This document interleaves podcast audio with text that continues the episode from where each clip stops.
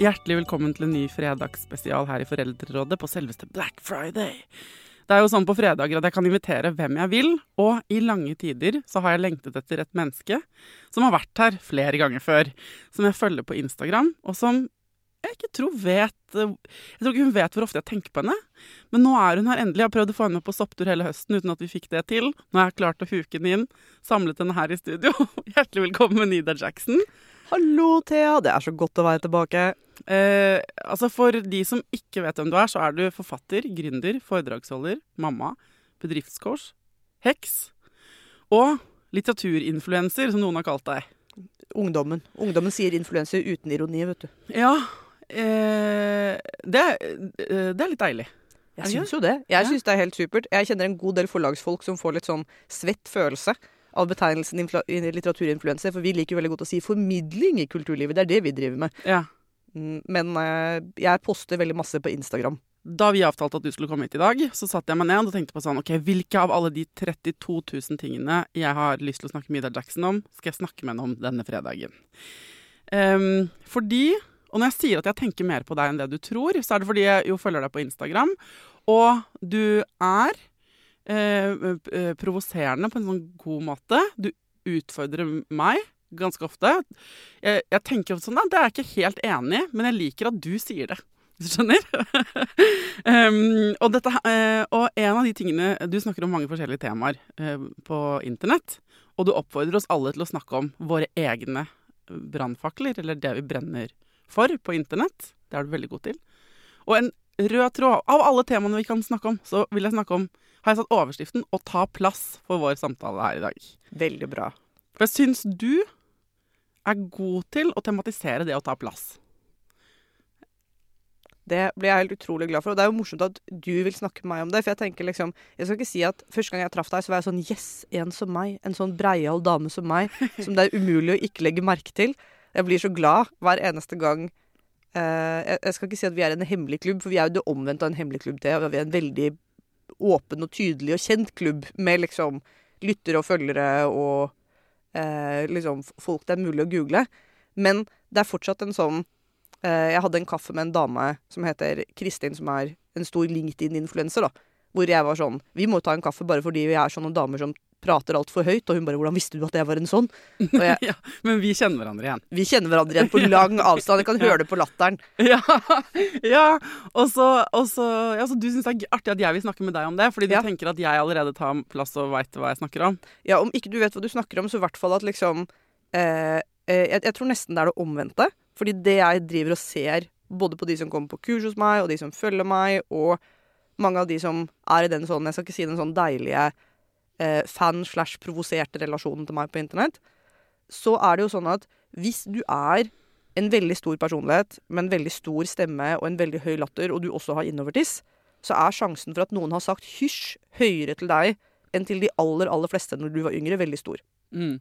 Så jeg pleier å si at det finnes jo folk der ute som fra naturens side er små og forsiktige personligheter. Og heia dem og helt supert. Ikke sant? Jeg har jobbet med teknisk utvikling i mange år. Det er mange av den sånn typen introvert ingeniørtype som kan gå et døgn uten å lage en eneste lyd, og masse kode.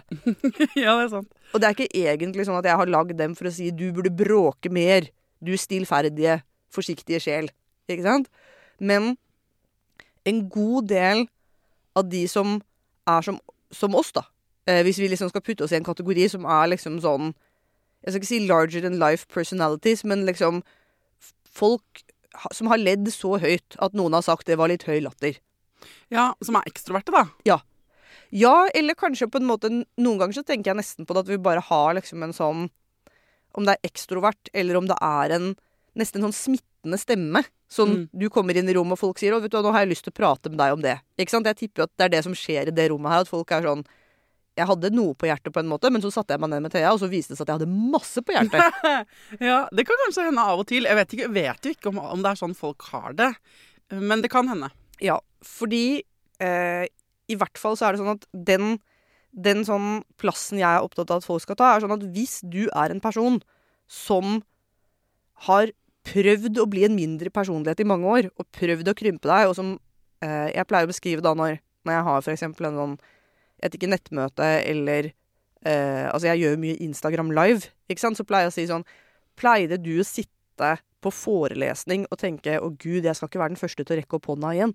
Det må jo være noen andre som har svar på det her. Mm. Ja, nå skal jeg vente litt på tur og eh, prøve å liksom være litt stillere, så jeg ikke tar for mye plass fra de andre, fordi jeg, jeg vet at jeg kan være litt mye og coming on too strong, så du hele tiden går rundt og føler deg litt som, som en sånn stemmeelefant i liksom et stille glasshus, da. Mm. Ikke sant?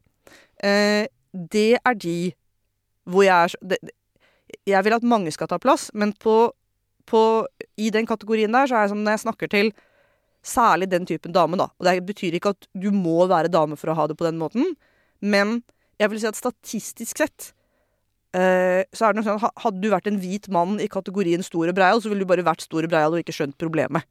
Jeg, har vært i politikken i mange år. Jon Michelet mind. Det, aldri, det virket aldri som han, han tenkte at nå har de hørt for mye om min engasjement mot Rygge flyplass.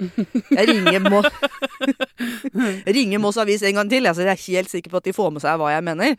Men, eh, men den sånn Jeg tror liksom den tingen jeg prøver å si til folk, er at du kommer ikke til å klare å krympe deg til en mindre personlighet gjennom dedikert innsats. Så jeg skal ikke si at Når jeg sier liksom sånn uh, jeg, jeg tror du vet, vet hvor, liksom, Du er en person som tar plass. Men jeg tipper også at du også er en person som historisk sett kanskje har blitt bedt om å krympe deg. Ja, jeg, eh, absolutt. Og jeg husker det helt fra jeg var liksom eh, barn. Og jeg, jeg, skjønner mamma bedre nå når jeg har barn selv, for han ligner ganske mye på meg.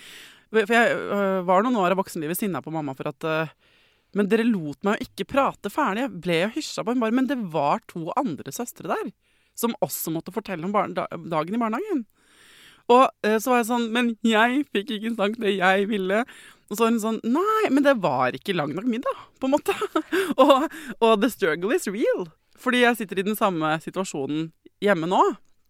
Så jeg få, jeg har også på en måte, og det her eh, kan hende du fanger meg nå i en sånn tankefelle, men jeg har jo også masse forståelse for alle de som enten har lyst til å få ordet, men ikke tar det. Alle de som er litt introverte og som har kloke meninger, men som ikke kommer til å ta den hoppe inn i den samtalen på det møterommet. Så mye av mitt voksne yrkesliv har vært også å lære um, at selv om jeg er dame, eh, på en måte, så må også jeg for, eh, for jeg følte av og til at liksom jeg kunne breie meg litt mer. Jeg jobbet i privat næringsliv, og det var mye menn. Og da kunne jeg på en måte ta en plass med dem, hvis du skjønner. For der var det mange som tok masse plass. Men eh, jeg måtte tenke sånn Ja, det, eh, jeg blir jo på et eller annet tidspunkt kan jeg også bli hun som tar for mye møtetid. Og hva med hun eller han, teknikeren, da, som sitter ved enden av bordet, og som faktisk vet svaret på det vi alle diskuterer på dette møtet, men som ikke sier noe før vedkommende eh, får ro rundt seg, ikke sant? Så jeg måtte lære meg å holde meg tilbake noen ganger. Fordi folk var kjipe, og fordi normer og kvinner ikke sant, at det var sånn. Og noen ganger fordi det må være en litt sånn rettferdig taletid her i livet. Ja, og samtidig så er det interessant i hvor stor grad du har internalisert ideen om at det er ditt ansvar å få han stille til å prate. Ja, det er sant. For det er det her som er, det er, det her som er den spesielle sånn Jeg skal ikke si kvinnefella, fordi altså jeg har, altså jeg har på et tidspunkt, når jeg var møte, liksom panelleder på en litteratursamtale, gått bort og tatt mikrofonen fra Gert Nygaardshaug og sa hysj. Dette er et Har du? Ja, dette er et panel, Gert. Det er flere andre som har rukket opp hånda. Ja, nå tar jeg den, og så gir jeg den til hun bibliotekaren her borte, så skal hun også få si noe. Da var han ganske sur. Men eh, liksom Selvfølgelig fins det på en måte sånn Altså selvfølgelig finnes det en sosial kontrakt om hvem som skal få prate hvor, og man må øve seg på når man skal prate, og det å eh, å si, Det å prate flere sammen er jo en kunst. Det er en grunn til at Gerhardsen skrev 'Tillitsmannen' med bare regler for å rekke opp hånda. 300 sider. Ja. Men den sånn følelsen av åh, men kanskje jeg burde ta litt hensyn til de stille, som sikkert vet noe lurt, og hale dem utpå, det er nok min jobb. Mm. Det er en veldig sosialt interessant ting. Mm. Fordi realiteten at jeg vil jo si at når du er voksen i yrkesliv, hvis du ikke er lederen i rommet, og eksplisitt på en måte vedkommende har sagt til deg i HR-samtalen at jeg vil gjerne ta litt mer plass i møtet, jeg brenner inne med ting, Mm. så er det faktisk noe med det sånn overansvaret for at andre skal få være med.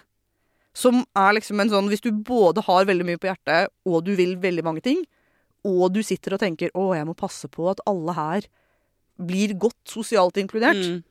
Så gjør du veldig mange Det er en veldig mye vanskeligere jobb enn å bare være sånn Og jeg har tenkt å være hun eh, Hva skal jeg si Jeg skal ikke si hun vrange, men nå skal jeg si det jeg skal si. Og så skal jeg liksom ta sosialt hensyn med å ikke på en måte Altså, altså kjære gud, Trond Øgri, min gamle mentor, var jo sånn hvis du ba ham prate i fem minutter, så prata han en halvtime.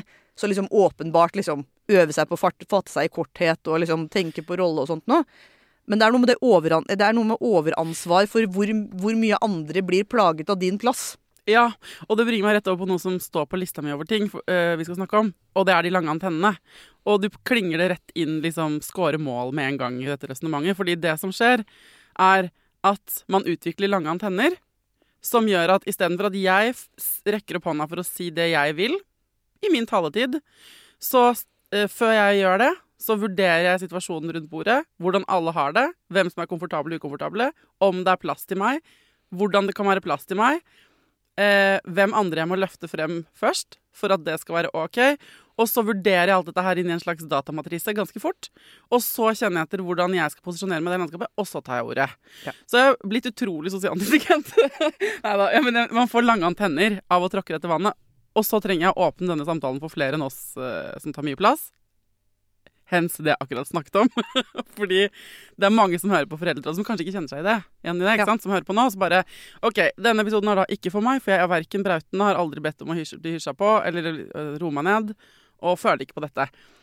Eh, grunnen til at jeg har satt det som overskrift, er fordi det du formidler i, dine, i ditt innhold, er det å ta plass over det hele. Om du er i vår ende av spekteret og er en Mhm. sånn bråkebøtte sånn som Ida og meg, eller om du ikke er det i det hele tatt, eh, og aldri har drømt om akkurat det, men eh, eh, Men samtidig På den måten, i hvert fall. Men samtidig kanskje har noe inni deg du ikke får ut. Ja, eller bare du har lyst til å gjøre noe som du ikke gir deg selv lov til fordi du har så lange antenner. Ja. Eller du holder deg selv tilbake fra å leve livet ditt sånn som du vil. Og, og, Og der, da har vi ganske mange i gjengen med en Ja. gang.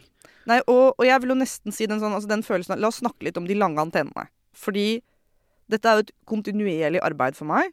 Og det har vært interessant, fordi nå har jeg hatt Jeg har hatt over 1000 mennesker på en eller annen form for skrivekurs eller selvutviklingskurs siden 2020. Og det betyr at jeg begynner å få litt sånn metning i dataen. At det er veldig lett å være sånn OK, sånn har jeg det, men jeg er jo ganske rar. Så realiteten er at sånn som jeg har det, har ikke alle det. Men når du begynner å da se mønstre som går igjen hos ganske mange mennesker, så blir du sånn hm, interessant. Så for å ta et, det omvendte av å ta plass i et møte, da. I et av kursene jeg holder, så gjør vi en konkret øvelse hvor folk skal gå en uke uten å se på TV, uten å høre på podkast, uten å lese bok og uten å scrolle på sosiale medier. Ja. Og det er for å skrive mer. Ikke sant? Altså Hvis du har utsatt Eller tegne, spille piano eller tegne mer. Hvis du har utsatt et kreativt prosjekt, så er den viktigste måten du kan kickstarte det på, er ved å kjede deg. Oh.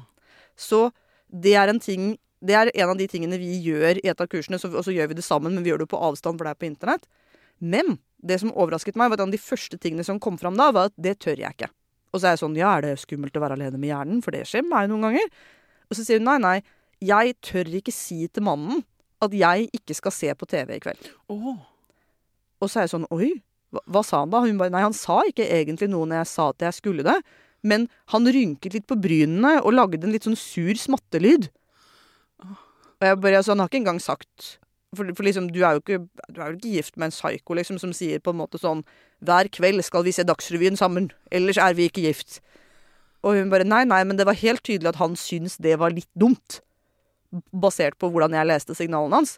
Og så var det ikke én dame som sa det. Det var kanskje liksom 70-100 av de som tok den første runden, slet med dette.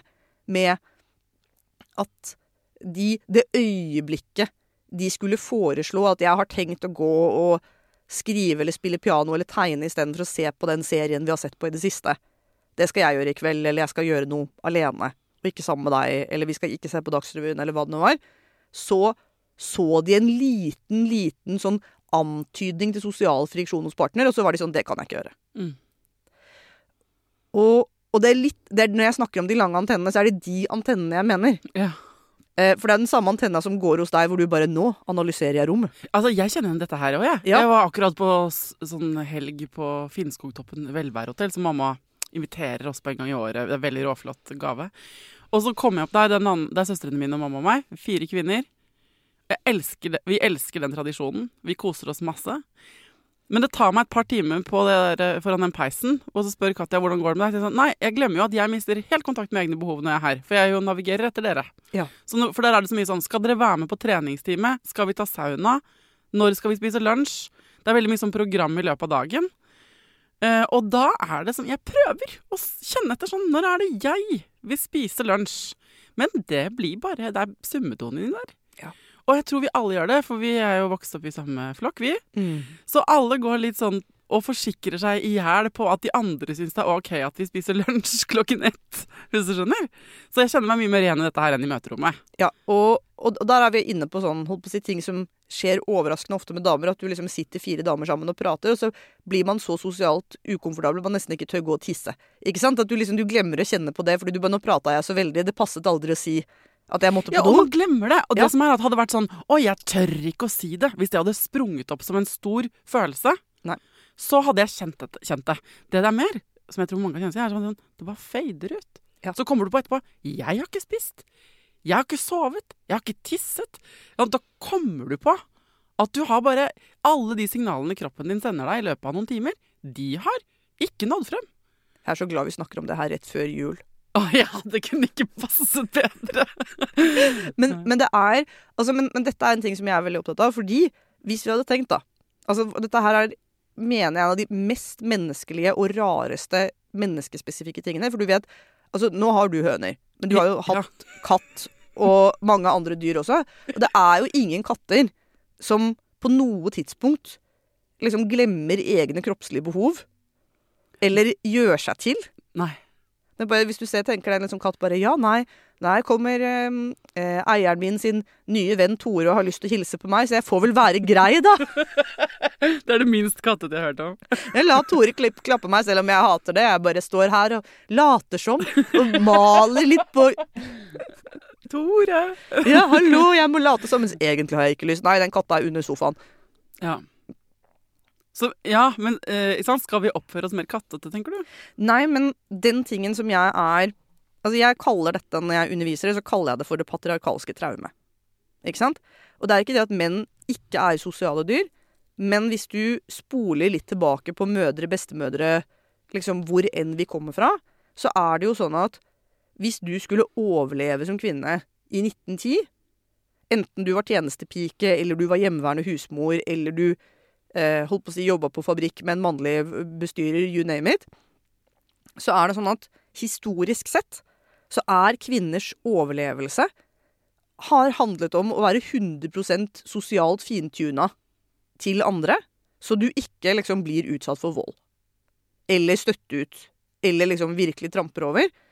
Som betyr at det er en forskjell på det å være, holdt på å si eh, Altså normalt empatisk, og så liksom Jeg skal ikke si patologisk empatisk, men så empatisk at du mister kontakten, da. Fordi jeg pleier å si at vi har Hvis du tenker at vi alle sammen i utgangspunktet er pattedyr, eh, så tenker jeg at vi har to moduser. Vi har den modusen som er den sosiale modusen, og det har jo andre dyr. Og hvis du ser på apene, så er de ganske opptatt av flokkdynamikken sin. Og liksom hvem er topp ape, og kan du plukke meg i pelsen, og liksom Altså, små dyr overlever ikke uten nettverk og hverandre. Samtidig som den sånn vite hva jeg vil, sånn Jeg tenker på det som en sånn, nesten sånn biologisk autentisitet, ikke sant? Og eh, det signalet er også egentlig et viktig overlevelsessignal. Hvis du ser for deg en ape alene i jungelen, og så hører du en rar lyd, så sier ikke den apen hm, lurer på om de andre apene kommer til å synes jeg er en drama queen. Hvis jeg liksom, Burde jeg spørre noen om de er enig i det, at den lyden høres litt skummel ut? Overdriver jeg? Nei, hvis den får noen liksom sånn kroppslige fornemmelser at det er på tide å pigge av, så bare pigger den av. Mm. Eh, Den stoler på seg selv i det avgjørelsesøyeblikket. Mens det som er, da, men når jeg snakker om det må ta plass, så handler det også om Det er ikke det at liksom plassen må være så enormt stor, men det er liksom plass til å være ditt autentiske jeg. Og noen ganger så er det autentiske jeg liksom å, å huske at vet du hva, jeg kunne egentlig hatt lyst til å gå og spise nå, eller ta fem minutter alene på rommet Mm. og sosialt ignorere de andre. Men fordi alle liksom på en måte hele sanseapparatet vårt er liksom hva mener de andre, hva mener de andre, hva mener de andre.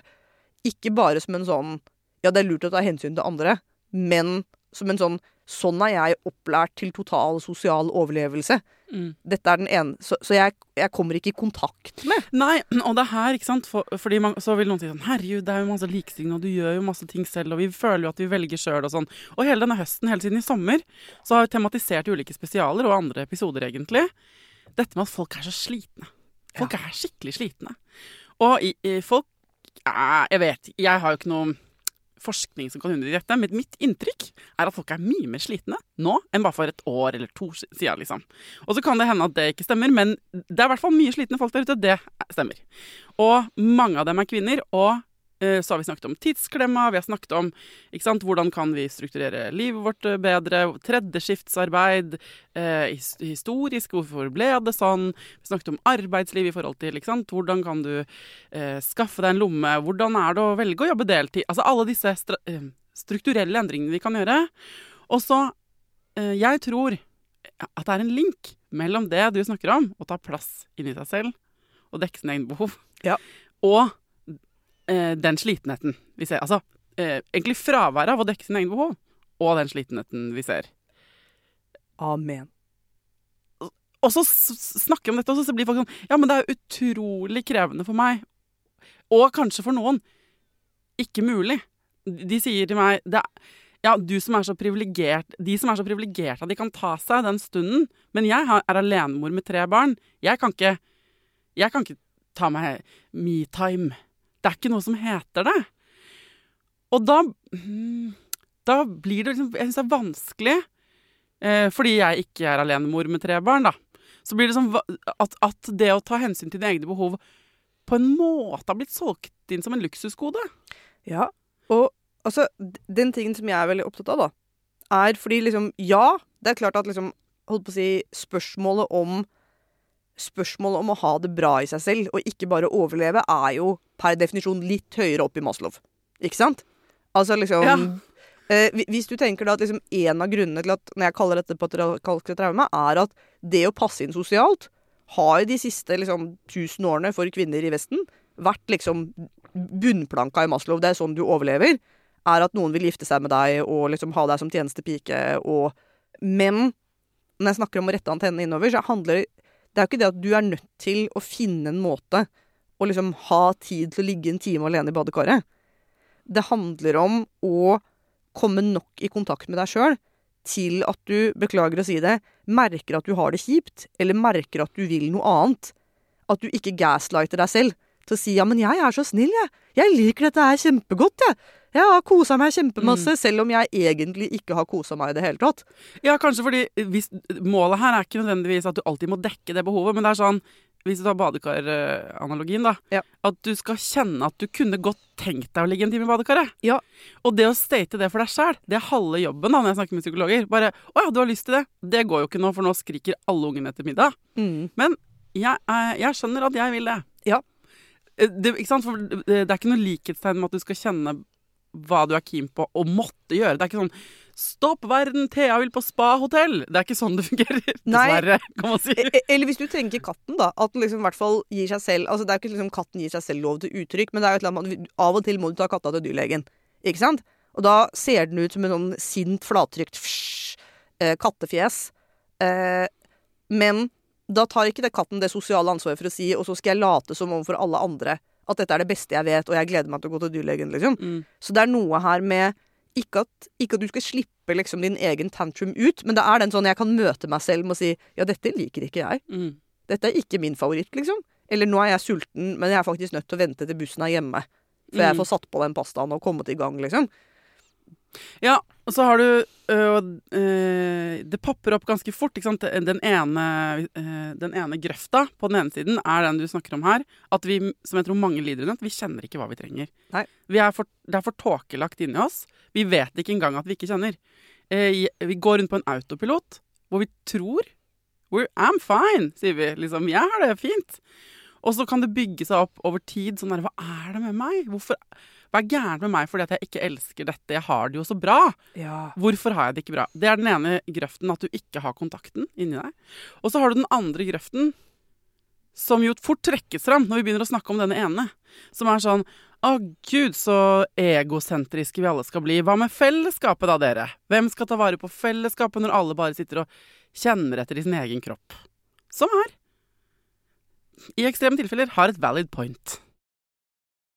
Og det som, det som jeg tror veldig sterkt på, da, er at jeg tror både at vi er, at vi er sosiale dyr, og så tror jeg at fellesskapet blir lettere å holde når vi tar passelig ansvar. Ikke sant? For En av grunnene at fellesskapet er så slitsomt, hvis vi går tilbake til det møterommet hvor Thea er sånn Jeg har lyst til å si et flammende innlegg, men jeg må også liksom finanalysere alt som skjer, og ta litt ansvar for alle, uh, alle involverte. Så er det sånn at en av de tingene som har vært størst revolusjon for meg, og i samlivet, eh, som også har gjort mannen veldig letta, var at jeg hadde en sånn aha-opplevelse hvor jeg bare Ja, hvis han er sur, så kommer han til å si det til meg. Mm. Ikke sant? Hans jobb er å si til meg hvis han er sur. Og det betyr at jeg kan si opp hele jobben. Må gå rundt og liksom tenke Er han sur nå? Ble han litt irritert nå? Jeg syns han lager en litt sur lyd nå. Er han litt sur nå? Pustet han surt nå? Ja, pustet han surt nå der borte i kjøleskapet? Jeg vet jeg har puttet osten litt plagsomt, kanskje.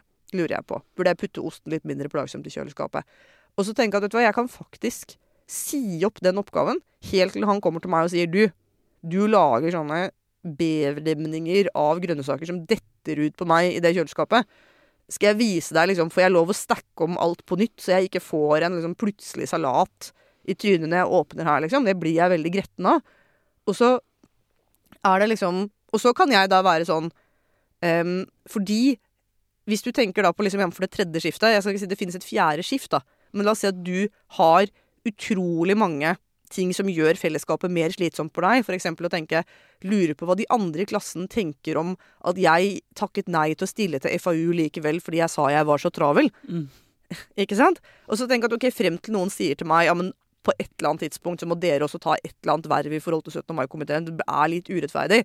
Dere tar aldri et verv, med mindre noen faktisk liksom sier til meg at de er oppriktig bekymret for det, så er det ikke min jobb å bruke nesten et ukesverk med følelse Mm. til å liksom kjenne på at vi Fordi det blir veldig, veldig mye lettere å ha sosial samhandling hvis du ikke også er ansvarlig for å kontrollere den andres opplevelse av deg, da. Mm. For det er jo det som er liksom med eh, Og det tror jeg jo er et sånn også konsekvens av eh, Og det er jo ikke det samme som å være egosentrisk. Ikke sant? Det er bare å si at OK, mitt ansvar er å si til mannen når jeg er sur, og hans ansvar er å si til meg når, jeg, si til meg når han er sur. Og så skal vi møte hverandre og være greie i den, og så gir vi opp den jobben som er prøve å gjette den andres følelse på avstand, eller liksom til og med da forhindre at han noensinne skulle bli sur. Som ikke er det samme som å på en måte altså, vi, vi, må putte en parentes her som er Det er ikke det samme som å si eh, Altså det, det, er ikke det samme som å være hensynsløs. Ikke sant? Hvis du tenker at du i utgangspunktet alle prøver å være greie, Mm. eller å, og, gjøre så godt de kan. Men eh, eh, Så jeg tror det, det kan gjøre en del fellesskapsting lettere. Ja, og jeg tror eh, I ytterste konsekvens er det også, som du har skrevet om og veldig fint eh, på nett, og den posten har jeg sett flere ganger, og det, det som er gøy, er at jeg har lest det før, jeg har hørt det fra andre enn deg òg, men hver gang så tenker jeg sånn Å, fy fader, det er så klokt. det er sånn eh, at det er For når du hvis du snur på det, da, litt strengere, og sier sånn Det du holder på med, er å prøve å kontrollere andre. Ja. Det ligger et behov for kontroll innipakka i den der martyrdøden som er sånn Jeg setter alle andre foran meg, jeg.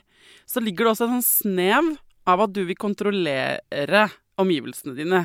Du vil ha kontroll på signalene andre mennesker sender med sine følelser, eh, i så stor grad at det Ikke sant.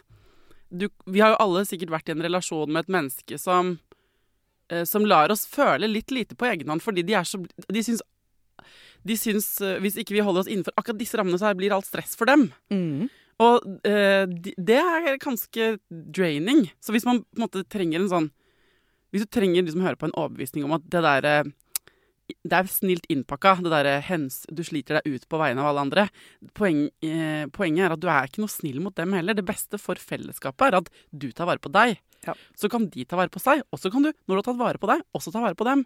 Men når den gjelden bygger seg opp fordi du står på pinne for alle andre, så blir det nesten umulig for de som er glad i deg, å tilbakebetale den gjelden, da. Og det er nesten meningen, for det er litt altså, Det er en sånn ting med altså, det var noe, vi, vi hadde en sånn diskusjon om det her i en ting jeg var i, hvor vi snakket om måte, kvinner i vårt liv som har korsfestet seg på kjøkkenet for oss. Mm. Som jo ofte skjer i jula. ikke sant? At du bare Ja, men det, du er faktisk nødt til å spise den her nå, for jeg har stått i timevis og liksom Ja. Ja, hvor mange Rekk opp hånda de som har vært rundt kvinnemennesker rundt uh, julaften, som bare Men er dere ikke fornøyd? Ikke sant? Du eneste du er keen på, er å ha en, en lykkelig mamma eller en hyggelig tante eller hvem det nå er du feirer jul hos. Og så er vedkommende helt fullstendig utslitt. Og, og det eneste dere må bruke tiden på, er å gå på nåler rundt det mennesket, sånn at hun føler at det at hun har slitt seg ut uten at noen har bedt henne om det, eh, føles OK for henne på selve julekvelden.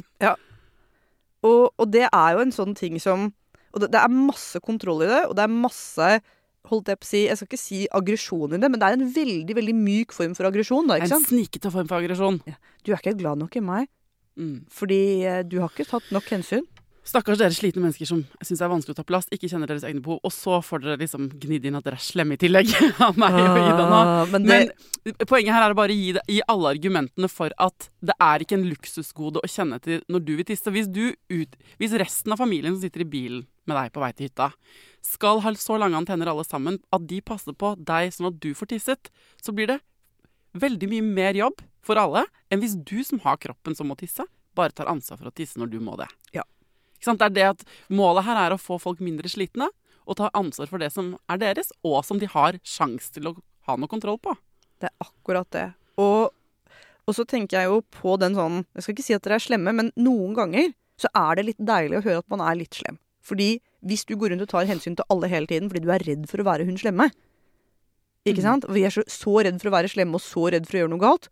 Og så er det i den omvendte speileggen av det, så er det nesten litt deilig å si, vet du hva Det er faktisk sånn at du kan velge ulike former for slem her. Du kan velge den sånn sosialt kontrollerende, manipulerende slemmen. Eller så kan du velge den sånn hensynsløse Torvald, nå må du faktisk stoppe på neste Circle K, for da må jeg på do. Ja, Den ene av alternativene får du faktisk tisse. ja, ja. ja. og du, hele verden slipper å tolke deg i hjel. Og det som er fascinerende med denne innsikten, da For jeg tror Altså for min del så er det sånn at jeg har skjønt dette med nøtta mi og hjernen min for lenge siden. Og så er det helt sinnssykt vanskelig å bryte med de mønstrene inni meg selv.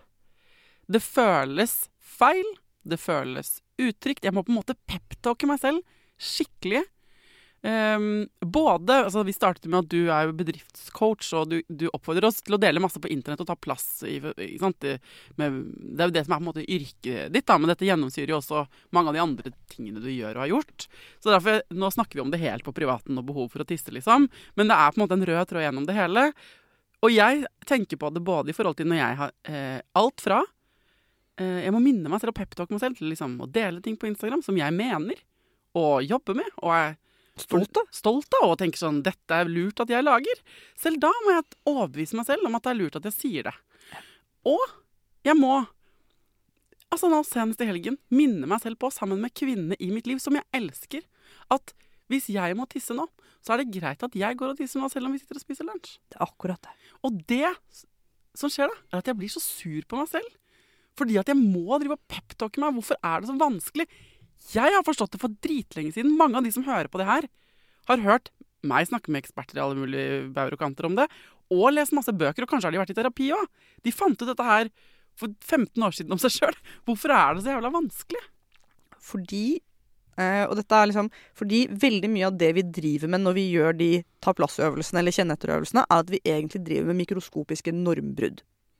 Og en av de øvelsene de gjør på starten av sosiologi, når de skal undervise hva er en norm, så sier de til studentene Det kan være de har slutta med det nå fordi studentene er blitt så sensitive, men da jeg studerte, så gjorde man dette. Um, da sa de gå ut på Fredrikkeplassen, finn liksom Observer en norm og bryt den. Ja, det er liksom uteplassen på Blindern. Ja, så en av, Et eksempel er for eksempel at hvis du går inn i kantina der, og så ser du to stykker som sitter ved et bord, sett deg ved deres bord uten å spørre. Og, du, og jeg ser at nå blir du fysisk ubehagelig bare av Ja, tanken. ikke sant? Du er begynner å få liksom Skjult kameraaktig å gjøre. Ja. Men realiteten er at det er ikke ulovlig å gjøre det. På Nei. samme måte som at hvis det er et fireseter ved siden av deg på bussen, og så er det to seter på den andre siden hvor det sitter en person, så er det jo sosialt forventa at du setter deg på den fireseteren, Ja, ikke siden av. Nei, nei, da er du klin. Ja. Men det som er, da, er at for kroppen vår, med de sånn Nå skal jeg bryte normer og si fra og ta ekstra hensyn til mine behov, og ikke minst, jeg skal dele noe skrytete på en stor internettplattform, mens liksom jeg vokste opp med at det var NRK-monopol, og liksom og foreldrene mine vokste opp med Altså, du lager radio, mens dette her er en ulovlig piratradio. Ikke sant? Det er så kort tid, egentlig, med den synligheten. Så det betyr at grunnen til at det er så skummelt, det, og det føles så vanskelig, er fordi det er normbrudd på samme måten. Så det er en del av kroppen som sier Thea, nå setter du deg på et bord uten å ha spurt om lov Mm. når du skal dele på Instagram. Eh, At det å dele i sosiale medier er eh, et sosialt normbrudd. Selv om du ser folk gjøre det hele tiden, så er det fortsatt sånn at eh, det er så nytt, og det er fremdeles så få som deler mye. Ikke sant? De fleste deler liksom, jeg vet ikke, bunadsbildet på 17. mai, Mm. og så kan vi diskutere liksom, hva betyr det. Men hvis du tenker at storparten av internett er helt stille og holder helt kjeft, og også da si sånn jo, vet du hva, det var superhyggelig å være her liksom, på felles hyttetur, men nå kommer jeg til å gå på rommet og være litt i fred fordi jeg bare trenger å være litt i fred. Ja, det er også normbrudd. Er det kjempenormbrudd? Så det er, det er egentlig det samme Kroppen skiller ikke mellom at du tar på en måte La oss si at du tar mikrofonen på et event og snakker foran fordi du har drukket litt Litt mye på den drinken. Ja. Så tar du plutselig mikrofonen og så bare tenker du sånn Faen, jeg skal ta et sted, jeg. På denne business-samlingen. Ja. Ikke sant? Eh, det vi kaller fylleangst, ikke sant? som er den derre Og det er jo bare angst, egentlig. Men det, kroppen skiller ikke mellom Herregud, jeg brøt alle normene og reglene som er OK. At jeg tok plass jeg aldri hadde trengt å ta. Den skiller ikke mellom det foran 2000 mennesker på et event, foran 10 000 mennesker eller 100 000 mennesker på internett, eller foran to mennesker på Fredrikplassen, på en kafé som sitter og hygger seg. Ikke sant? Den reaksjonen inni deg sjæl Normbrudd er normbrudd, på en måte. Ja, Normbrudd er normbrudd, og normbrudd Og tingen er at det er jo mange gode grunner til at vi har normer. Det er ganske lurt. Nor- normer er veldig Altså, liksom so og, og det er jo også en grunn til at hele nervesystemet ditt går i høygir når du Men, altså, men, men jeg, jeg trekker alltid dette tilbake til metoo, da. Fordi liksom pre-metoo. Fordi det er jo sånn at eh, Det var jo Jeg hadde vært i samtaler om seksuell trakassering i hvert fall liksom 15 år før det plutselig var et vippepunkt hvor folk var litt sånn Dette er ikke greit, dette skal vi snakke om. Og så er sånn, ja, Grunnen til at denne samtalen ikke har vært der før, er at jeg har stått på byen og sett damer slåss med disse to kreftene i seg selv. Mm. Ikke sant? Enig, jeg òg. Ja, ja, du vet akkurat Du kjenner, du kjenner situasjonen. N noen kommer bort og er i ditt space og tar på deg, og du vil ikke ha dem der. Men for å få dem unna, så er du nødt til å ha et sånt usosialt, kjipt normbrudd og jage dem bort. Ja, du må velge mellom pest eller kolera. Flørte smart nok til at de kommer seg unna og det ikke blir ubehagelig for noen, er jo det man prøver ofte å gå for, eller har prøvd å gå for. Men enten så må du være avvisende, eller så må du finne deg i noe du overhodet ikke vil. Og Ja. begge delene føles helt jævlig. Og den ene var, og for mange ganger er- lever fortsatt i, liksom, mer normbrytende enn den andre. Ja. Så, ikke sant? Og jeg er helt enig, jeg føler deg helt på metoo. Ja, så, og, det, og det er den sånn indre kampen, da. Mm. Ikke sant? Mellom de to kreftene sånn Dette er sosialt forventa av meg, og dette er det jeg vil. Eh, og det er derfor jeg liksom tilbake igjen til det liksom speiler på det med privilegier og liksom Og så på en måte er dette en luksusgode? Nei. Det er nok sånn at den sånn autentiske stemmen er et veldig, veldig radikalt kompass. Hvor du kan finne ut av ok, hvis vi skal endre noe, så er sjansen for at din magefølelse og kroppsfølelse har en veldig god idé om hvilk, hvilke steder vi har for trang sko, hvilke steder liksom, samfunnet er for skarpt, hvilke steder vi burde gjøre noe. Og samtidig så er det også noe med å anerkjenne den sånn internaliserte undertrykkelsen som faktisk Og, og den er så subtil, ikke sant? At vi, det er jo noe med at Altså, dette er en sånn ting som altså, Sigrid Undset skriver mye om det i, liksom, i sånn, når hun diskuterte liksom, barnemord og abort med Hamsun og Katti Anke Møller i sin tid. Så sier hun som du vet er det jo veldig vanlig for tjenestejenter at de er nødt til å late som at de ikke er gravide. Og, og hvis du går og begynner å lese den historikken om alle som har vært gravide i smug, ikke sant? hvor mye kropp har vi egentlig skjult? Hvor mye av oss selv har vi historisk sett dekket til? Og hvor stramt har det vært, og hvor farlig har det vært? Mm. Så jeg vil være veldig, veldig øm med den delen av oss som syns disse tingene er superskummelt. Og som syns det er kjempevanskelig å bryte de normene. Og så likevel så er det sånn at altså den, den stemmen som jeg vil mest til livs, er den som sier 'hva i all verden er gærent med meg', som ikke klarer å like dette eller finne meg i dette, eller som heller ikke klarer å si fra. Ja, den skammen som kom på toppen. Ja, den skammen som kom på liksom For det er tilbake igjen til det med å være en, en over gjennomsnittlig høylytt person. Da. Altså en av tingene som jeg har Jeg skal ikke si at jeg har funnet en 100% selvaksept på det, men la oss si at jeg har funnet en 85 selvaksept på det. Ja, wow. Det er Ja. veldig imponerende i det. Jeg har jobbet med det og liksom si at OK, realiteten er at jeg er en person som mange syns er plagsom fordi jeg lager så mye lyd som jeg gjør. Eh, og, det er en, og jeg har prøvd veldig, veldig hardt å finne mer, et mer dempet uttrykk.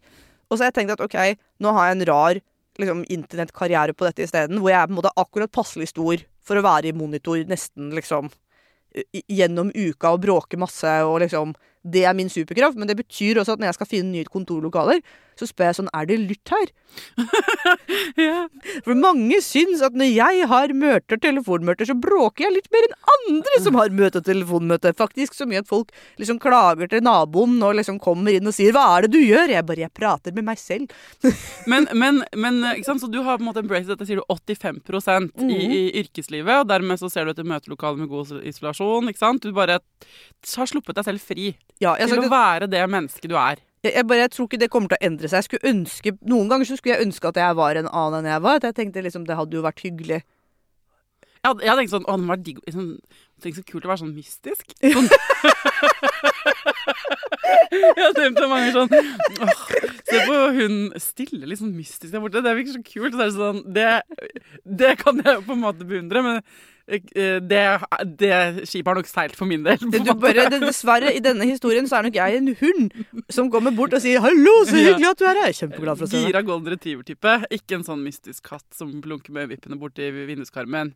Så sånn er det. Men jeg kan kjenne meg igjen i det der å, å liksom Kanskje av og til skulle ønske seg å være en annen type, men nå er vi jo ikke det, da. Så, så, men du har klart Jeg var litt nysgjerrig på sånn Du har klart, sier du, på en måte akseptere det 85% og slippe deg fri. Men på alle områder, eller? Eller er det sånn at du kommer på sånn Oi, nå har ikke jeg sagt at jeg må tisse, eller nå har ikke jeg sagt eh, at jeg er eh, lei meg for noe. Altså mange ganger. Og eh, jeg tror jo at Altså jeg tror at storparten av den sånn heftigste selvutviklingen vår skjer i relasjon, og til en viss grad i romantisk relasjon. Så jeg pleier å si at liksom Jan er den som får det beste og det verste av meg. I, Jan. ja. Ja. Jeg, elsker deg så mye, Jan, men det er liksom bare Så, så, så det er eh, Men den tingen som jeg har eh, som, som har hjulpet på, på å omfavne det, da, er å skjønne at jeg syns eh, og, og anerkjenne at både en del av han og minst tiltrekning av hverandre er også den som måte hvor forskjellige vi er, eller hvilke krangler vi har.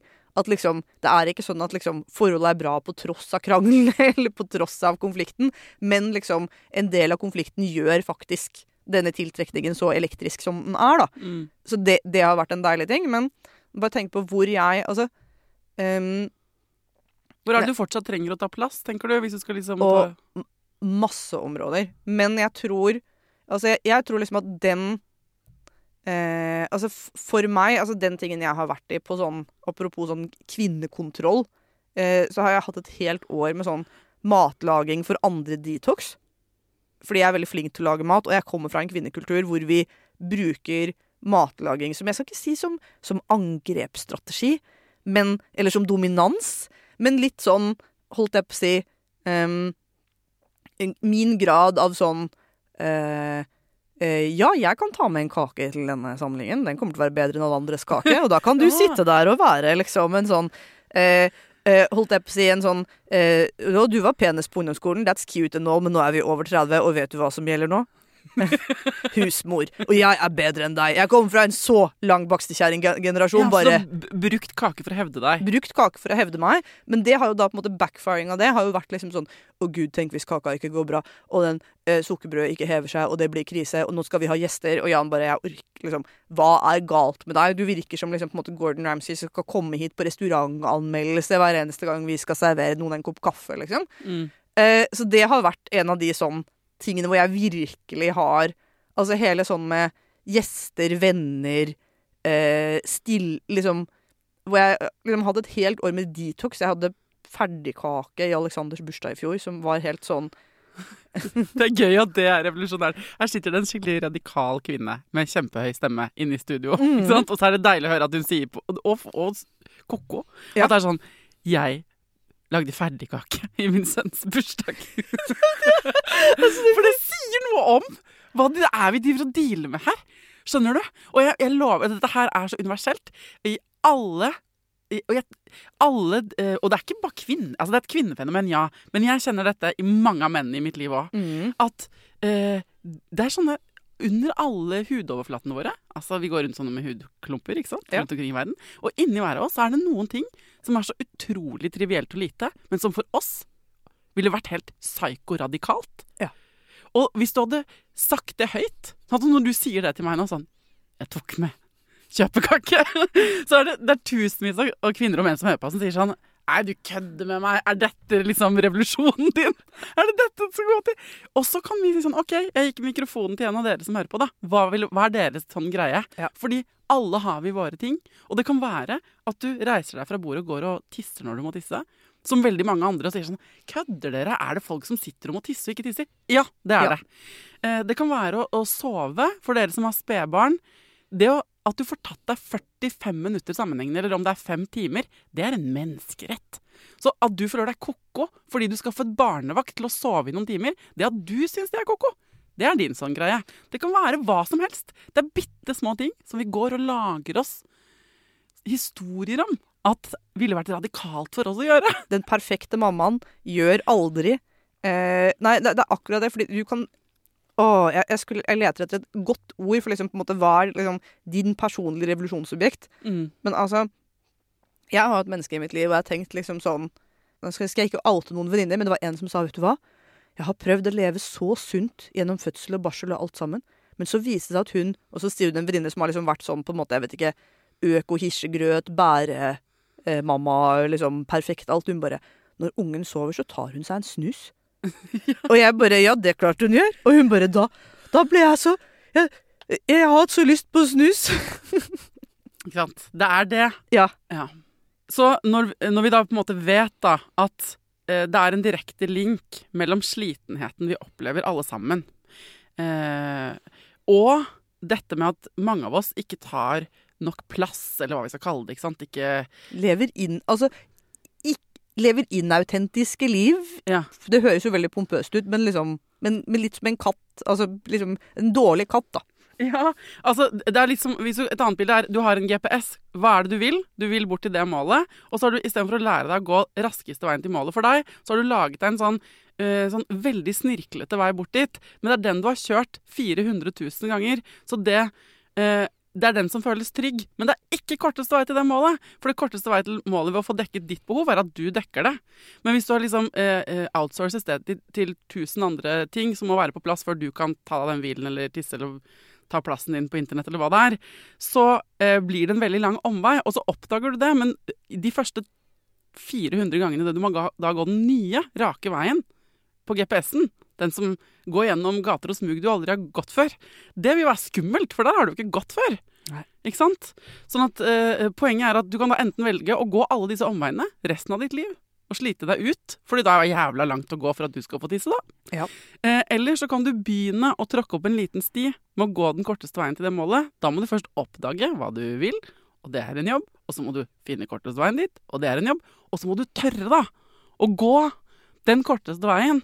Og skjønne at ja, det blir skummelt i starten, for jeg har ikke gått der før. Jeg har ikke tatt den plassen før. Jeg har ikke sagt nei til å holde tredje juledagsfrokost før. Jeg, jeg, har ikke, jeg har gjort alle disse tingene som alle andre av ulike grunner har bedt meg, eller jeg har trodd at de vil at jeg skal gjøre. Og når jeg ser på det nå, så er det jo helt tussete. Det er ingen som koser seg på den tredje juledagsfrokosten, eller hva den er. I hvert fall ikke når du er så stressa. Nei, så da har du på en måte gjort halvparten av jobben, men så er det det at du må tråkke opp den stien og gå, og det er det som gjør usedvanlig vondt, og kan være skummelt og ekkelt og skamfullt og alt, mange ganger. Sant? Og, og det er en Altså, jeg tenker at dette er en muskel du trener opp, ikke sant? Og det er en av grunnene til at jeg er så tilhenger av kreative prosjekter som selvutviklingsprosjekter. Fordi hvis du setter deg alene med en fargeleggingsbok og tenker sånn Nå skal jeg la dette kompasset få lov til å bestemme grønn eller blå. Ikke sant? Så er det virkelig ingen som kan bli sure eller noe gærent kan skje. Og så kommer du til å, måte, jeg, kan ikke snakke deg ut av lidelsen, fordi min erfaring med å undervise disse tingene er at veldig mange har da veldig mye stort indre drama. på en måte. Men kan noen fortelle meg hva som er best av grønn og blå? Men hvor er det, hvilken farge kan jeg bruke så ingen blir støtt? Ja. Eller Eller er det noen fasit, kanskje? er det noen som politisk som kanskje kommer til å bli sant? Det, ja. det er tusen sånne følelser, men da kan du i hvert fall på en måte krympe den ned. Eller hvis du på en måte sier ok, nå skal jeg velge om jeg skal ha kaffe eller te eller melk i kaffen eller ikke. Eller altså prøve å tenke på en måte hvor mange valg tar jeg i løpet av en dag som, hvor jeg kan få lov til å bruke den ekstra tiden på å kjenne etter. Ja, men har jeg en preferanse? Er det en åpenbar preferanse? Og veldig ofte så er det det. Mm. Det er bare at vi har ikke tillatt oss selv å kjenne på den preferansen. Nei. Så det er bare sånn eh, så Jeg har jo liksom typ kjempesterk preferanse eh, basert på dagsform, har jeg funnet ut, på om jeg har lyst til å ta bussen eller trikken eller rusle. Eller liksom eh, Og så da tenker jeg sånn at jo, jeg kan, jeg kan finne ut Jeg kan lage de rommene hvor jeg får lov til å bestemme det selv. Ja. Og så høres det så smått ut, um, på en måte, men summen av alle disse tingene blir et helt liv, og store, store ting. Så nå når folk skal gå inn i helgen sin, da, uh, så er det sånn Et spørsmål kunne jo vært til folk som hører på det Ida sa i stad. Sånn, hvor mange jobber kunne du sagt opp i dag som ikke egentlig er din jobb? Bare sånn akkurat nå sånn. Kunne du sagt opp uh, lange antennejobben på han som du tror ikke liker deg på kontoret? Uh, den kan du si opp. Sånn. Jeg er ikke lenger ansvarlig. Han får komme til meg og si fra hvis han er sur. Kan, går det an å si opp uh, spekulasjonsjobben på hvem som kommer til å føle seg utenfor hvis du ikke formulerer deg på den måten i den invitasjonen til Altså sånn, hvor mange sånne jobber Sett deg ned med mobilen eller en penn og papir liksom, og skriv på hvor mange sånne jobber har du egentlig. Ja. Og hvilke av dem er du bare keen på å si opp, og bare si dem opp på vei inn i helgen, da? Sånn, bare, bare slutt! Ja. og så ser jeg bare og, og, og så trenger, Du kan gjøre det på lat. Du kan bare gjøre det på lat. Du, det, hvis det føles skummelt, så kan du late som du gjør det, bare fordi du har hørt det på en podkast. Og så kan du se hvor mange det faktisk er. Jeg, tror det inni de fleste av oss skjuler seg ganske mange sånne fulltidsstillinger, nemlig. Og en av tingene jeg gjør når jeg skal late som å si opp en sånn jobb, er at jeg later som at jeg er liksom Ursula eller Kaptein Sabeltann eller noe sånt mens jeg gjør det. Ok?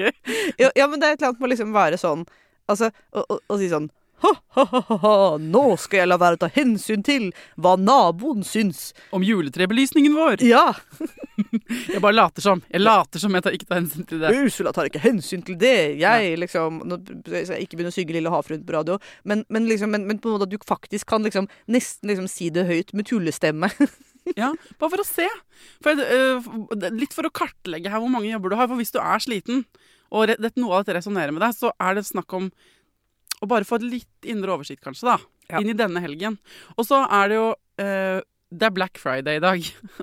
Vet ikke om dere har fått med dere det, folkens. Vet ikke om noen har nevnt det for dere på eh... Sort fredag. Ja.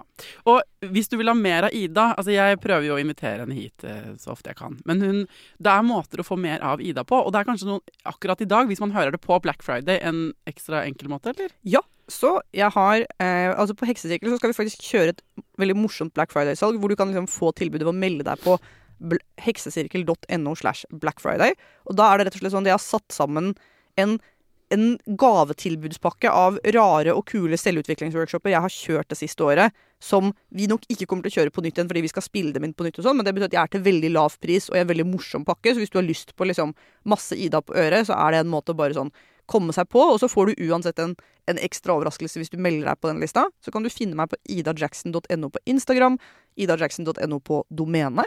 Og så har jeg en Hvis det er, hvis du kjenner deg igjen i, i skrivetingen, så har jeg altså eh, Kan du laste ned noe som på heksesirkel.no slash ha det på badet, som er en eh, en øvelse for å ikke bare finne ut hva du vil, men løse opp den indre konflikten mellom det du vil og det du også vil.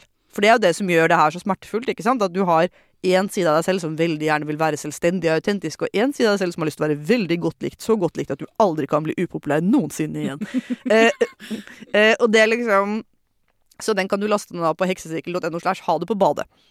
Eh, men hvis du tusler inn på Instagram, så finner vi ut av det, tenker jeg. Ja, for, og du kan også, ikke sant Hvis du er nysgjerrig på Ida som type, og kanskje du aldri har hørt om henne eller hørt henne snakke før nå, Og så vil jeg anbefale bare gå inn på Instagram hennes, for der er det så mange timer med innhold hun bare har gitt ut gratis.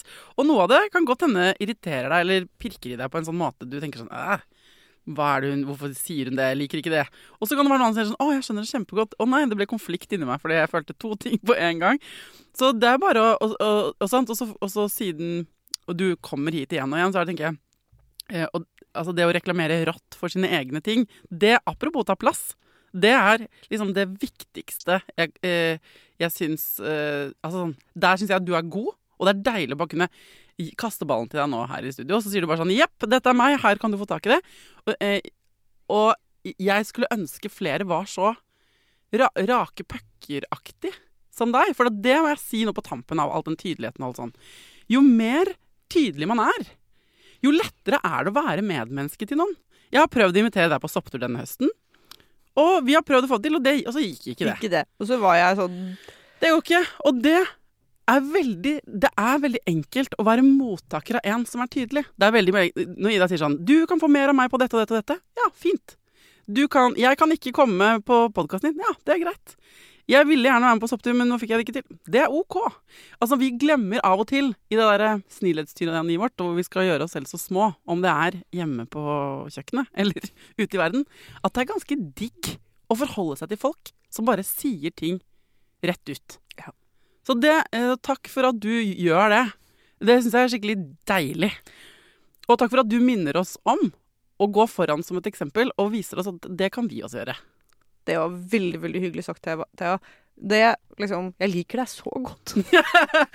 Flaks for meg at jeg både er tydelig og at hun liker meg godt. Um, Tusen takk for at du kom til Foreldrerådet, Ida. Takk for at jeg fikk være her, og takk for at du hørte på. Til alle dere eh, eh, der ute som eh, Jeg gleder meg til å Hvis du skriver en liste over de jobbene du sier opp, og føler for å dele det med meg Jeg trenger ikke å dele det offentlig, på en måte, men jeg tar gjerne imot noen DMs. Fordi at uh, jeg tror det er mange der ute som denne fredags ettermiddagen, eller når du hører på denne podkasten, uh, hadde hatt godt av å si opp noen av fulltidsjobbene med spekulasjoner vi holder på med i hverdagen. Um, så det vil jeg gjerne ha i innboksen. Uh, til neste gang, ta vare på deg sjæl, ta vare på ungen din, og lykke til.